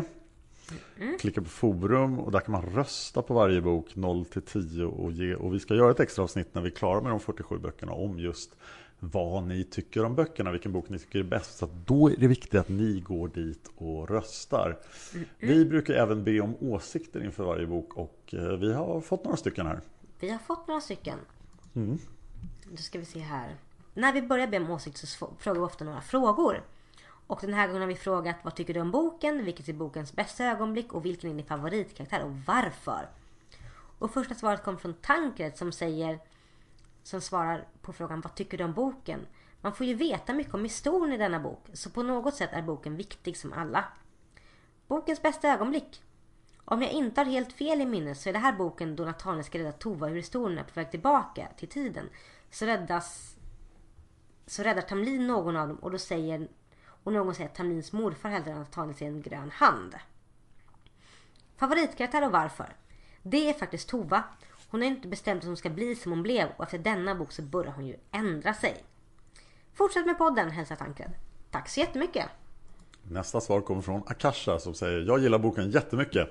Den är extremt intressant och spännande. Superhäftigt med regressioner och tidsresor. Bäst är allt som har med tidsresorna att göra. Favoriten är Tova helt klart. Hon känns som en cool brud. Grattis till andra platsen Dan och Anna. Och vad är andra platsen då Dan? Jo, under perioden innan den här inspelningen så har vi lyckats klättra upp till andra platsen på iTunes litteraturlista. Woho! Litteratur och kultur till och med tror jag. Så att vår mm -hmm. podd är den näst mest kulturella i Sverige. Ja, den här listan är ju väldigt flytande så vid, när ni hör den här podden har vi säkert halkat ner lite grann. Ja. Men vi låg tvåa och det är jättefräckt på riktigt. Mm. Så isfolket är kultur, nu har ni sett det. iTunes har bekräftat det. Mm -mm. Och vill ni att fler ska upptäcka kulturen så sprid vår podd till så många som möjligt. Gör det. Ja, och ge oss iTunes-recensioner. Det vill vi ha. Ja, nästa svar tänkte jag då om vi går tillbaka till åsikterna kommer från Marta. Som skriver Boken är märkligt uppbyggd med två historier som är väldigt löst sammankopplade. Mm. Båda historierna har innehåll som räckt till en bok så jag förstår inte vitsen med att klämma ihop dem. Jag vet att många är taggade och väntar på sagans final men jag blir lite sorgsen när jag tänker på att vi närmar oss slutet. Och jag vill ha fler böcker så att sagan räcker längre. Mm, Häxmästaren i ljusets rike. Yay! Marta säger vidare. Första delen är en spännande spökhistoria. Hade gärna haft mer bakgrundshistoria kring Fredriksen och bröderna Strand. Det är roligt att Tova inte kan låta bli att trolla lite när män har dålig attityd. Andra delen är spännande men lite märklig. Det är konstigt att Tova är den första som har kommit på tanken att försöka minnas sina återfödslar. Det borde ha varit många av den trollkunniga sagan som har provat. Det är kul att få veta så mycket om Isfolks historia och Tengil Ondes ursprung. Jag hade gärna läst mer om det dagliga livet i Japan. Boken är bra, har varken till det bästa eller sämsta i sagan utan flyter runt någonstans i mitten. Bokens bästa ögonblick. Det är en sammansättning av många små ögonblick. Tova får flera gånger se prov på vad ondska är och ändrar sig till slut. Hon förstår att ondskan tänker den onde sprider ska bekämpas istället för att hyllas. Tova ändrar sig från en tjurig tonåring som tycker synd om sig själv till en vuxen som har en mer realistisk syn på livet. Och favoritkaraktär? Tova såklart. Den inre resan hon gör går inte av för hackor. Nej. Eh, där måste jag inflika att om, man, om någon annan av isfolket hade fått för sig att göra de här själavandringarna hade ju inte det gett någonting alls. För det är bara Tova som är inkarnationen av Hanna. Ja, just ja. Så det, det är faktiskt inte en miss tycker jag. Nej. Bra poäng där. Nästa synpunkt kommer från Blodshämnd. Den här boken var en av de som väckte wow-känsla hos mig nu i den senaste omläsningen slash lyssningen. Jag har mest skummat igenom den förr och i och med att jag inte var intresserad av japansk historia har inte boken fångat mig förrän nu. Den är otroligt bra, även om den börjar lite tråkigt med båten. Även om den ger oss läsare en chans att lära känna Tova så vi vet vem hon är och hur hon fungerar. Gillar även att vi får se dynamiken mellan Ellen, Tova och Nathaniel. Precis som Nathaniel missförstod jag Tova-Ellen-relationen och skäms som en hund efter att han skällde ut Tova när Ellen berättar att de blivit vänner. Det är rörande att se hur Nathaniel försöker få Tovas förlåtelse. Men hur hon totalvägrar och aldrig är hemma när han kommer. Jag tycker så synd om Nathaniel då, även om jag förstår Tova. Jag hade gjort precis så som hon, envis som jag är. Till bokens huvudhandling. Tovas resa bakåt i tiden. Jag tycker verkligen att den är hur spännande som helst. Det känns som att jag personligen gör hennes resa, även om jag inte gör det. Dock har jag försökt göra det och lyckas. Det var ganska läskigt måste jag säga. Oj, det vill jag veta mer om. Ja, jag med. Nåja, tillbaka till Tova. När hon träffar på Hanna, det ger mig rysningar i hela kroppen, jag känner mig livrädd. Har aldrig fattat Hanna som så ond tidigare, men nu förstår jag Tengil den gode mycket bättre.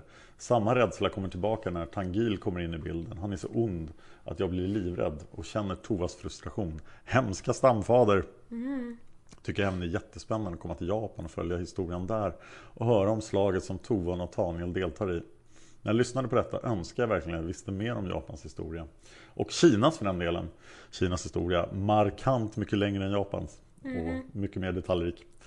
Eh, Blodsänd fortsätter. Så jag hade vetat vad Margit talade om. För första gången berättade Margit om något som jag inte hade en aning om. Slutet är gott i alla fall. Det är kul att få träffa Tamlin igen. Bästa ögonblicket. Det finns så många genom boken. Jag gillar när Tangil kommer in. Och att eh, få faktiskt känna hans onda makt och bli uppmärksamma på hur kraftfull han faktiskt är. Innan detta så vet vi egentligen inte hur mycket kraft han har, även om det gång på gång talas om för oss. Men nu får vi se det in action liksom. Favoritkaraktär, Tova såklart. Älskar att hon inte bryr sig ett dugg om pengar och tar taxi vart hon vill. Även om jag känner hur det svider i Rickard och Vinnys plånbok. Vi får verkligen lära känna henne bra och se henne växa som person. Även om hon påstår sig vara ond i början av boken så märks det att hon inte är det. Jo, hon är drabbad av det onda arvet, vilket förklarar ett flertal av hennes handlingar och förtrollningar. Men innerst inne är hon god. Och det är fint när hon själv inser att hon faktiskt är god. Ha en trevlig resa Anna. Och passande avsluta med en bok som delvis utspelar sig i Japan nu när du faktiskt ska dit. Ja, för det är därför vi tar ett uppehåll. För jag ska till Japan. Så när ni lyssnar på den här podden så är jag i Japan och kommer utforska Japans historia. Trevligt! Ja, det ska bli jätteroligt. Ja, det låter helt underbart. Ja, jag kanske inte blir någon expert på Japans historia men det kommer bli spännande faktiskt att eh, jag kommer nog hålla ögonen utkik lite extra efter Heike-klanen och se vad jag kan utforska om den. Det låter bra. Och nästa svar kommer faktiskt från Heike. Oj, passar. Ja, alltså, som skriver Jag har alltid varit fascinerad av tidsresor så den här boken brukar jag tycka om. Avsnittet med Stella drar ner betyget lite men jag tycker boken är en åtta ändå. Bokens inledning får mig genast intresserad. Spänning från första meningen samt som det inte är helt tydligt vad det egentligen är som händer. Jag är fast. Bokens bästa ögonblick. Slutscenen där Anna talar om att tiden är inne för kampen att börja är otroligt spännande och jag kan inte vänta tills jag får kasta mig över nästa bok. Annars tycker jag det är jätteintressant att följa Tovas inkarnationer bak i tiden. Kul att få veta lite mer om Havin och Kajsa och deras sistfödde. Och när Nathaniel talar med Dr. Sörensen om isfolket. Och jag citerar i boken. Så hon har nämnt isfolket. Vi brukar annars inte göra det. Vi lever liksom parallellt med mänskligheten om ni förstår vad jag menar. Slutcitat. Heike fortsätter. Bra förklaring. Ska Sörensen bara hålla med och låtsas förstå precis vad Nathaniel menar? Ah, parallellt med verkligheten. Låter inte alls skumt. Favoritkaraktär och varför? Tova är min favorit av så många anledningar. Det nämns flera gånger hur oberäknelig Tova är, men jag håller inte alls med. Det är klart att hon blir irriterad när Nathaniel talar om henne som ett problem hela tiden.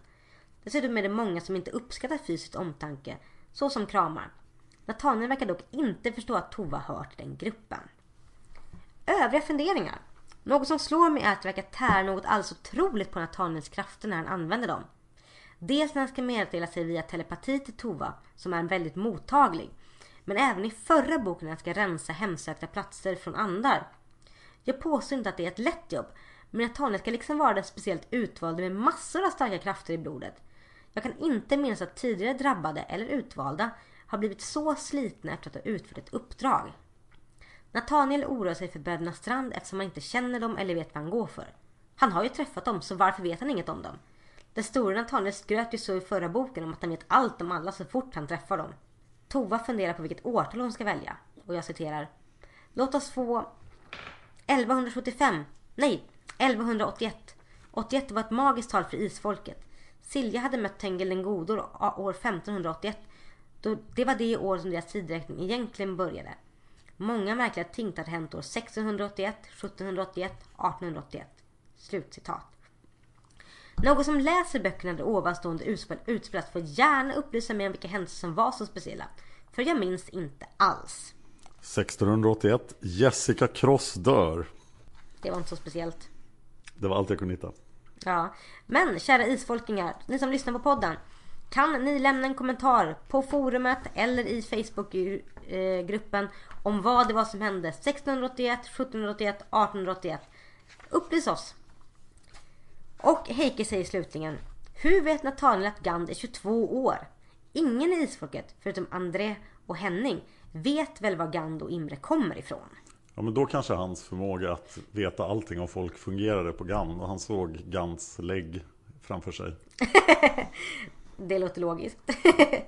Fröken Anna-Maria svarar vad jag tycker om boken? Jag är ganska kluven. Det är till viss del en spännande historia. Framförallt det som händer i gamla Japan och att få reda på mer om isfolkets förfäder.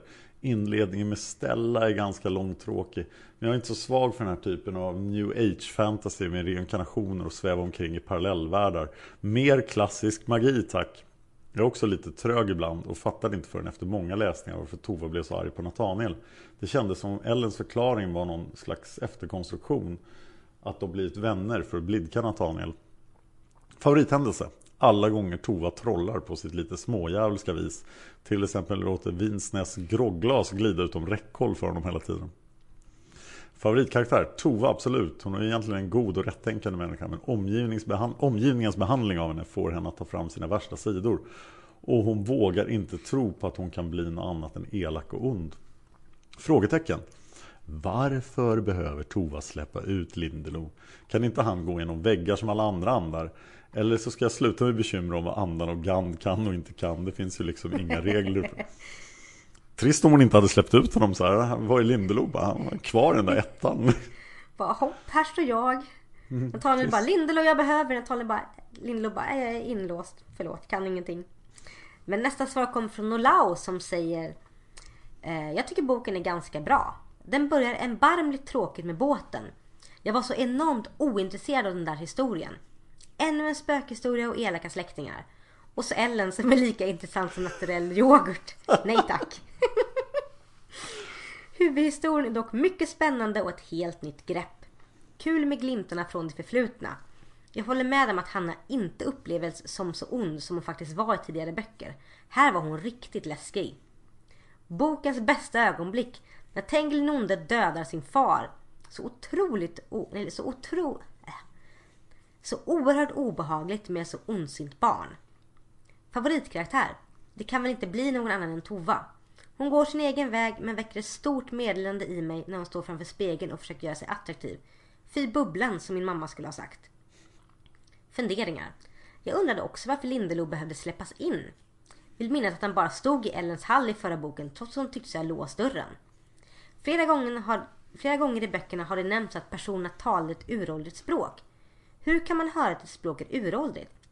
Kan det vara isfolkets stora språkbegåvning i kombination med förmågan att bedöma personligheter genom att bara se en glimt av person i frågan som samverkar för att ska kunna detta? Och Nolau säger slutligen, det är bara kul med långa avsnitt förresten. Tack så jättemycket. Kommer du gilla nästa avsnitt Nolau? Ja. Nästa svar och det sista svaret kommer från Silje Almgrimsdatter. Eh, inledningen ombord på Stella är lite spännande men har inte så mycket med handlingen att göra på det stora hela. Eh, nu när vi drar oss mot uppgörelsens timma. Toas själavandringar vet jag inte riktigt vad jag ska tycka om. Det verkar lite långsökt när vi plötsligt är i Japan att klanen som isfolket härstammar från kallas för Heike. I Trollbunden sa Tengil den gode att de inte hade eh, grund till att tro att någonting annat än att isfolket kom från Tröndelag. Men nu stammar de plötsligt från Japan. Eh, jag försöker översätta från norska, mm. det är mm. därför jag låter så tveksam. Eh, ja, nu har jag förstått att det som Tengel sa då inte stämmer helt, men, men ändå. Serien har begett sig väldigt långt ifrån vad den sa att den var i början. Bok 1 till 28 känns som en serie och bok 29 till 47 känns som en annan serie. Mm. Bokens bästa ögonblick, det måste vara när Gand och förfäderna samlas i slutet av boken. Nu börjar det hända saker. Vilken är din favoritkaraktär och varför? Eh, jag hade väldigt svårt att hitta en favoritkaraktär i den här boken. Men Nathaniel är inte fullt så intetsägande och ointressant som i förra boken. Eh, de två jag gillar bäst, Jonathan och Lindelo, de är ju inte ens med. Eller knappt med. En fundering. Varför kunde Hanna, som var äldre än eh, men likväl samtidigt som Tengil den gode känna till krukan med ondskans vatten från livets källor när han inte visste om det.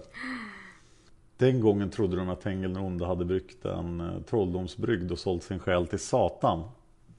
Och eh, så vitt Hanna visste så eh, om hon visste det så kan hon inte ha delat med sig till Sol som hon annars lärde upp efter alla konstens regler.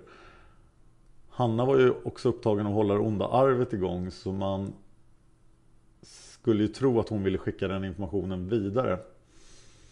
Men om hon inte visste om ondskans vatten i sin egen levnadstid, hur har hon lärt sig det efter döden medan hon svävade runt och väntade på att bli reinkarnerad? Det är konstigt. Mm. Och sen försöker eh, Silja anta utmaningen här över år 81. Oh. Jag har också funderat på det här. Jag kollade därför i släktträdet. Det eh, verkar inte vara något speciellt som hände annat än 1581 då Tengel mötte Silje. År, 18, år 1681 var Ulveding 7. Och Oj. kanske någonting hände med honom då, men det minns jag inte. Och Kristina Tengel den tredje och Alv var alla fyra år. 1781, och Jessica Kross dog då, mitt tillägg. 1781 var Ola åtta år, Havgrim och Heike var sju år, Gunilla var sex år och Vinga var fyra år. Då hände det verkligen ingenting speciellt. Eh, Sölve var redan död 1679 eh, och tragedin med Havgrim och Gunillas mor hände 1677, eller 1777 måste det vara. Eh, 1881 var det två år till Ulvar eh, Ulvar satt i fängelse och två år tills han skulle komma ut. Eh, först 1883 våldtog han Agnete och hotade Benedikt till livet och blev skjuten av Marco. Så att eh, det här, ja det känns ju som att det inte hade hänt någonting speciellt jag ser upptakten till väldigt många olika fanfics man skulle kunna skriva om spexiga händelser som händer de här åren som vi inte vet om. Händelser 81. Precis. Det okända historien om isfolket. Dun, dun, dun. Ulf Hedin, sju år. Tada. Det kanske var då han dräpte alla i den här lilla fjälldalen han bodde i. Ja. Eller kanske var då han fastnade med foten i äh, rävsaxen. Det låter ännu inte som en så här episk händelse för isfolket. Kanske inte riktigt. Vi går över till fel och missar. Det gör vi sannoliken. Där Heika har hittat en fel och miss. Och det är på sid, sid 73. Ellen vaknade där hon låg på golvet i aktersalongen. Sid 76. Ellen ropade Nathaniel och försökte ruska liv i den sovande gestalten på golvet. Har hon hunnit somna om? Jag säger sjösjuktabletter. Hon kan mycket väl ha hunnit somna om.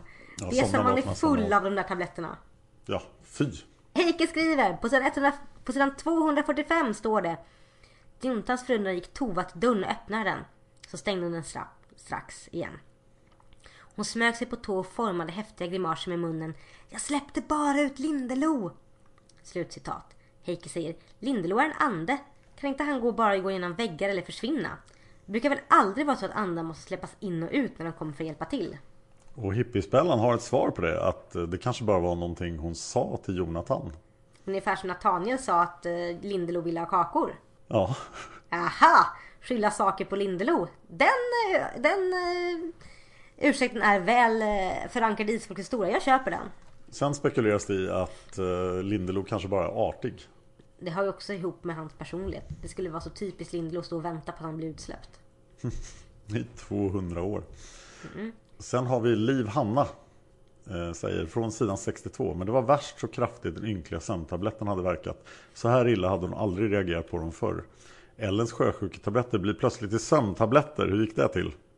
Jag vet inte riktigt. Det är ju inte samma... Sömntabletter och sjösjuketabletter är inte samma sak. Nej, verkligen inte. Och det reflekterar många över här i forumet. Både Rexi och Nathaniel. Som säger att nej men det är inte samma sak. Man blir sömnig av det men Ja, nej. Och Rexy berättar att i norska versionen av Isfolket står det den lilla tabletten och inte sandtabletten. Intressant. Då är det kanske ett feltryck i boken. Kan I vara. den svenska, bok, svenska översättningen av boken. Sen kommer Gabriella eh, tillbaka till det här med att hur kan Hanna känna till vattnet? Eh, Tengil gode berättade ju tidigt att man trodde att TDO hade kokat upp en häxbrygd och grävt ner den. Om han trodde det så borde även Hanna trott det. Det är sant. Sen är det Share Beauty som säger Jag läste om den här boken häromdagen och när Nathaniel möter Dr. Sörensen för att få hjälp med Tova säger doktorn att det inte finns just någon människa i Norge med Nathaniels förmåga. Nathaniel säger då att den handfull alla hittas i isfolket och radar bland annat upp sin mor Krista. Varför det? Hon har väl ingen speciell förmåga? Hon kan sväva ja, men det har väl inte med några övernaturliga drag att göra. Det är ett arv till svartänglarna. Det känns som att doktorn definitivt inte menar någon som kan sväva. Nej, lite så. Nästa fel och miss kommer från Tili. Sid 194 i samband med att Nathaniel ska resa bakåt i tiden och försöka rädda Tova. Så har han och Jonathan ett samtal där Jonathan försöker hindra Nathaniel från att riskera att själv förloras. Detta är klippt från slutet av deras samtal. Nathaniel. Vem kan annars hjälpa Tova? Jonathan. Kan inte Gand? Nathaniel. Du vet att han inte bara vara där Tengil den onde är. Tengil får inte veta om att han finns. Varpå Jonathan suckar och ger sig. Men Tengil får inte veta om att Nathaniel finns heller. Sedan Nathaniel var väldigt liten pojke så har han inte fått vistas på Lindalen av den anledningen. För att Tengil den onde inte ska upptäcka honom och se vilket hot han utgör. Han undviker att ange sitt efternamn när han hjälper till att lysa mysterium i ropfrostan av röster. Just för att inte hans existens ska avslöjas för fel personer. Han är ju den speciellt utvalde, den enda som har en chans att besegra Tengil. Om man nu ska offra att avslöja identiteter på någon för att rädda Tova. Hade det inte varit bättre om Gand offrats? Som visserligen också är viktig för kampen men han är inte lika viktig som Nathaniel. Hur som helst, jag reagerar på att det inte alls nämns att Nathaniel också borde hålla sig osynlig. Jättekonstigt. Och hon fortsätter, jag tar det också. Ja. Tillägg till det jag skrev om ovan. Nathaniel och Tova flyter omkring som andar efter det stora slaget när Tengilonde dyker upp och är redo för göra dem båda. Tengilonde säger till Nathaniel Det är bra att du kom, äntligen visar du ditt ansikte, du min ynkliga, usla lilla motståndare som isfolket tror att de kan hoppas på. Och det här indikerar att Tengilonde hela tiden har känt till Nathaniel och att han är en speciellt utvald. Bara att han inte har sett hur han ser ut tidigare. Man är fullt medveten om vem Nathaniel är och att Nathaniel är den utvalde. Och i boken kan man också läsa Nathaniel, Tova låt oss anropa Gand. Tova, men han är ju en levande varelse, han får inte visa sig. Nathaniel, detta är en nödsituation. Jag är rädd för att jag inte kan lyckas få ut oss båda ur det här. Men Gand är alltså fortfarande hemlig. Mm. Ja du. Jag har inget riktigt svar på den. Det Nej, är jätteologiskt. Och jag tycker vi måste räkna det här som ett fel. På något sätt. För att det är ju saker som säger emot varandra. Nathaniel ska vara hemlig men det indikerar att Nathaniel hela tiden känt till Nathan. Det indikerar att den onde hela tiden känt till Nathaniel och att Gands hemlighetsgörande är lite flytande. Ja, fast det verkar ju fungera lite grann för att eh, Tengil Nonde har ju tydligen listat ut Nathaniel men inte Gand. Ja, det är faktiskt sant. Hmm. Eh, tar upp detta också med att Tova går tillbaka till tidigare sina liv och kommer till Kajsa från varje by när hon dör i barnsäng. Men hur går detta ihop? Och här tar hon upp det som vi påpekade att eh, det finns då två stycken drabbade i samma generation. Det finns Tula och det finns även då Kajsa och Hagums barn. Och hur detta går ihop. Och vi vet att det här med drabbade och utvalda inte riktigt hänger ihop. Nej, det har väl brutit ihop ganska rejält. Ja, det var logiskt första generationen, sen gick det bara på röven. Ja, Pansarmannen och Benedikte är ju samma generation också. Ja, samma sak. Blodshem nämner också att eh, just det här med benämningen sömntablett och sjösjuktablett så säger Blodshem att de säger sömntablett i ljudboken också. Och eh, om Lindelo då, om han inte kan gå igenom väggar eller inte. Det han står ju och ringer på dörren, säger Blodshämnd. Och kunde inte komma in för att hjälpa Nathaniel förrän Jonathan hade öppnat dörren. Vilket även går emot då i rop med stumma röster så kommer han in i Ellens hem utan att hon behöver öppna. Det är så förvirrande det här. Jätteförvirrande. Ska vi bara säga att Lindelo är jätteartig och inte riktigt vet vad han ska göra. Nej, Lindelo är special. Special kind of hjälpare. Ja, ingen är som Lindelo. Nej, ingen vill vara som Lindelo heller. Är vi klara då? Då är vi faktiskt klara. Men vi ska gå igenom lite grann för vi har ju en Patreon också. Ja, det har vi. Och vi har fått ännu fler sponsorer på Patreon. Tack så mycket! Ja, och Dan, kan du berätta för våra lyssnare vad Patreon är? Ja, Patreon är alltså ett sätt att sponsra oss. Om ni tycker här podden är jättebra så kan ni bidra med en summa i dollar för Patreon är en amerikansk sida. Som då eh, per avsnitt. Så att vi, vi gör avsnitt och när vi gör avsnitt så ger ni oss pengar. Och det behöver vi ju för att gå vidare efter bok 47. Vi har ju då vi gör det här för att det är kul och vi ska göra hela Isfolkesagan. Men det är ju väldigt roligt så vi vill gärna fortsätta. Men vi eh, driver båda egna företag så att för att lägga tid på det här då, så vore det bra att få någon form av ersättning för det. Då. Och köpa en ny mikrofon som Anna gjorde och så vidare. Så att det är det vi vill uppnå med Patreon. Och når vi till 40 dollar på Patreon per avsnitt. Då kommer vi att göra hela Häxmästaren. Och under Goals på Patreon nere till vänster på första sidan så kan ni se vad vi tänker göra sen om vi kan få ihop ännu mer pengar. Det involverar Margits samtliga böcker men då mm. först och främst Ljusets rike efter Häxmästaren. Precis. Och varför är det så bra att skänka pengar till oss just på Patreon? Jo, för det är ju ett system också för att hålla reda på Ja, så vi vet lite grann hur mycket som kommer. Det är regelbundet. Det, jag använder det för sju andra saker. Så att jag har god erfarenhet av att använda det här. Om man tycker det är superkomplicerat så är det möjligt med Swish också. Skicka oss ett meddelande i så fall. Mm. Så får ni ett Swish-nummer. Eh, och vi har några sponsorer vi vill tacka, eller hur? Som du vill tacka. Ja, vi vill tacka Karin Simonsen, Hanna Naversjö, Belmina Kocha, Alba Lundström Ramirez, Cecilia Hellstrand, Nolau, Blodshämnd, Petronella Thorén och Rebecka Lundqvist. Tack så jättemycket för att ni stöttar oss på Patreon och ser till att vi är lite närmare Häxmästaren. Stort tack! Ja, för som jag sagt förut, det som kommer hända då, ni är klara med 47 böckerna, vi ska göra lite uppföljningsavsnitt till Isfolket, för det finns ju saker att prata om fortfarande. Men när vi är klara med dem, och de blir väl någonstans mellan 3 och 10 stycken, skulle jag gissa. Mm. Eh, så väldigt specifikt. Men sen blir det Häxmästaren. Precis. Så vill ni att vi gör Häxmästaren, gå in på länken på vår Facebook-sida eller på vår, någon av våra andra kanaler. Klicka in på Patreon, läs vad du ska göra och skänk oss en slant. Och det också som är så roligt med Patreon är att för vilken nivå du ligger på så får du också ibland lite speciella saker av oss som vi skickar hem till dig. Åh, oh, spännande! Mm, precis, så in och kolla igenom och har du frågor skicka oss jättegärna ett mail på Facebook eller skriv i tråden på forumet. Ja, då är vi klara! Ja, men vad kan man hitta mer av dig tills nästa gång Dan? Ja, jag finns på Twitter som Dan Horning. Jag har en egen YouTube-kanal och en eh, Facebook-sida som heter Dan Hörning då, där jag ja, presenterar alla projekt jag gör. För det är ganska många. Eh, nio poddar och ett antal YouTube-kanaler. En som är mycket större än alla andra som handlar om Magic the Gathering. Mm. Var kan lyssnarna hitta mer av dig Anna? Jag finns också på Twitter under Annonseras. Jag har även en Facebook-sida som heter Setsuna Seras och där kommer alla mina bloggposter jag skriver ut för jag har även en blogg. setsunaseras.blogspot.se Så om ni vill följa vad jag skriver och vad jag pysslar med och vad jag läser för roliga böcker eh, lite feminism, antirasism och även roliga videos så gå jättegärna in och följ min Facebook-sida och gå gärna in och läs min blogg så blir jag hemskt glad.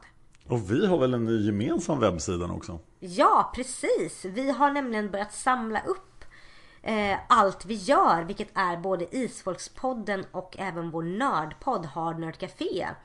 Och vi samlar detta nu på en egen hemsida som heter Hard Nerd Café. Den får ni jättegärna klicka in på. Vi kommer lägga en länk i vår Facebook-sida och även en länk på Hard Nerd Café Facebook-sidan. För om ni går in och klickar på Hardnerd Café så finns en flik som heter poddar. Och där under Sakna Isfolket-podden så hittar ni alla avsnitt av Isfolkspodden i MP3. Där finns även länkar under varje avsnitt till iTunes, till Youtube, till Isfolksforumet, till Annas blogg, till oss på Twitter. Och det står även vilken musik vi har i början och slutet på varje avsnitt. Där finns även en länk direkt till vår Patreon. Och eh, Även så finns det också en länk till vår andra podd Hörnord Café som är en nördpodd. Ja, då är det dags för Demonernas fjäll. Ja, och det ska bli väldigt kul. Ses då! Ja, ses då! Lajvar då! Yay, peppen! Askul, vi ses! Hejdå! Hejdå!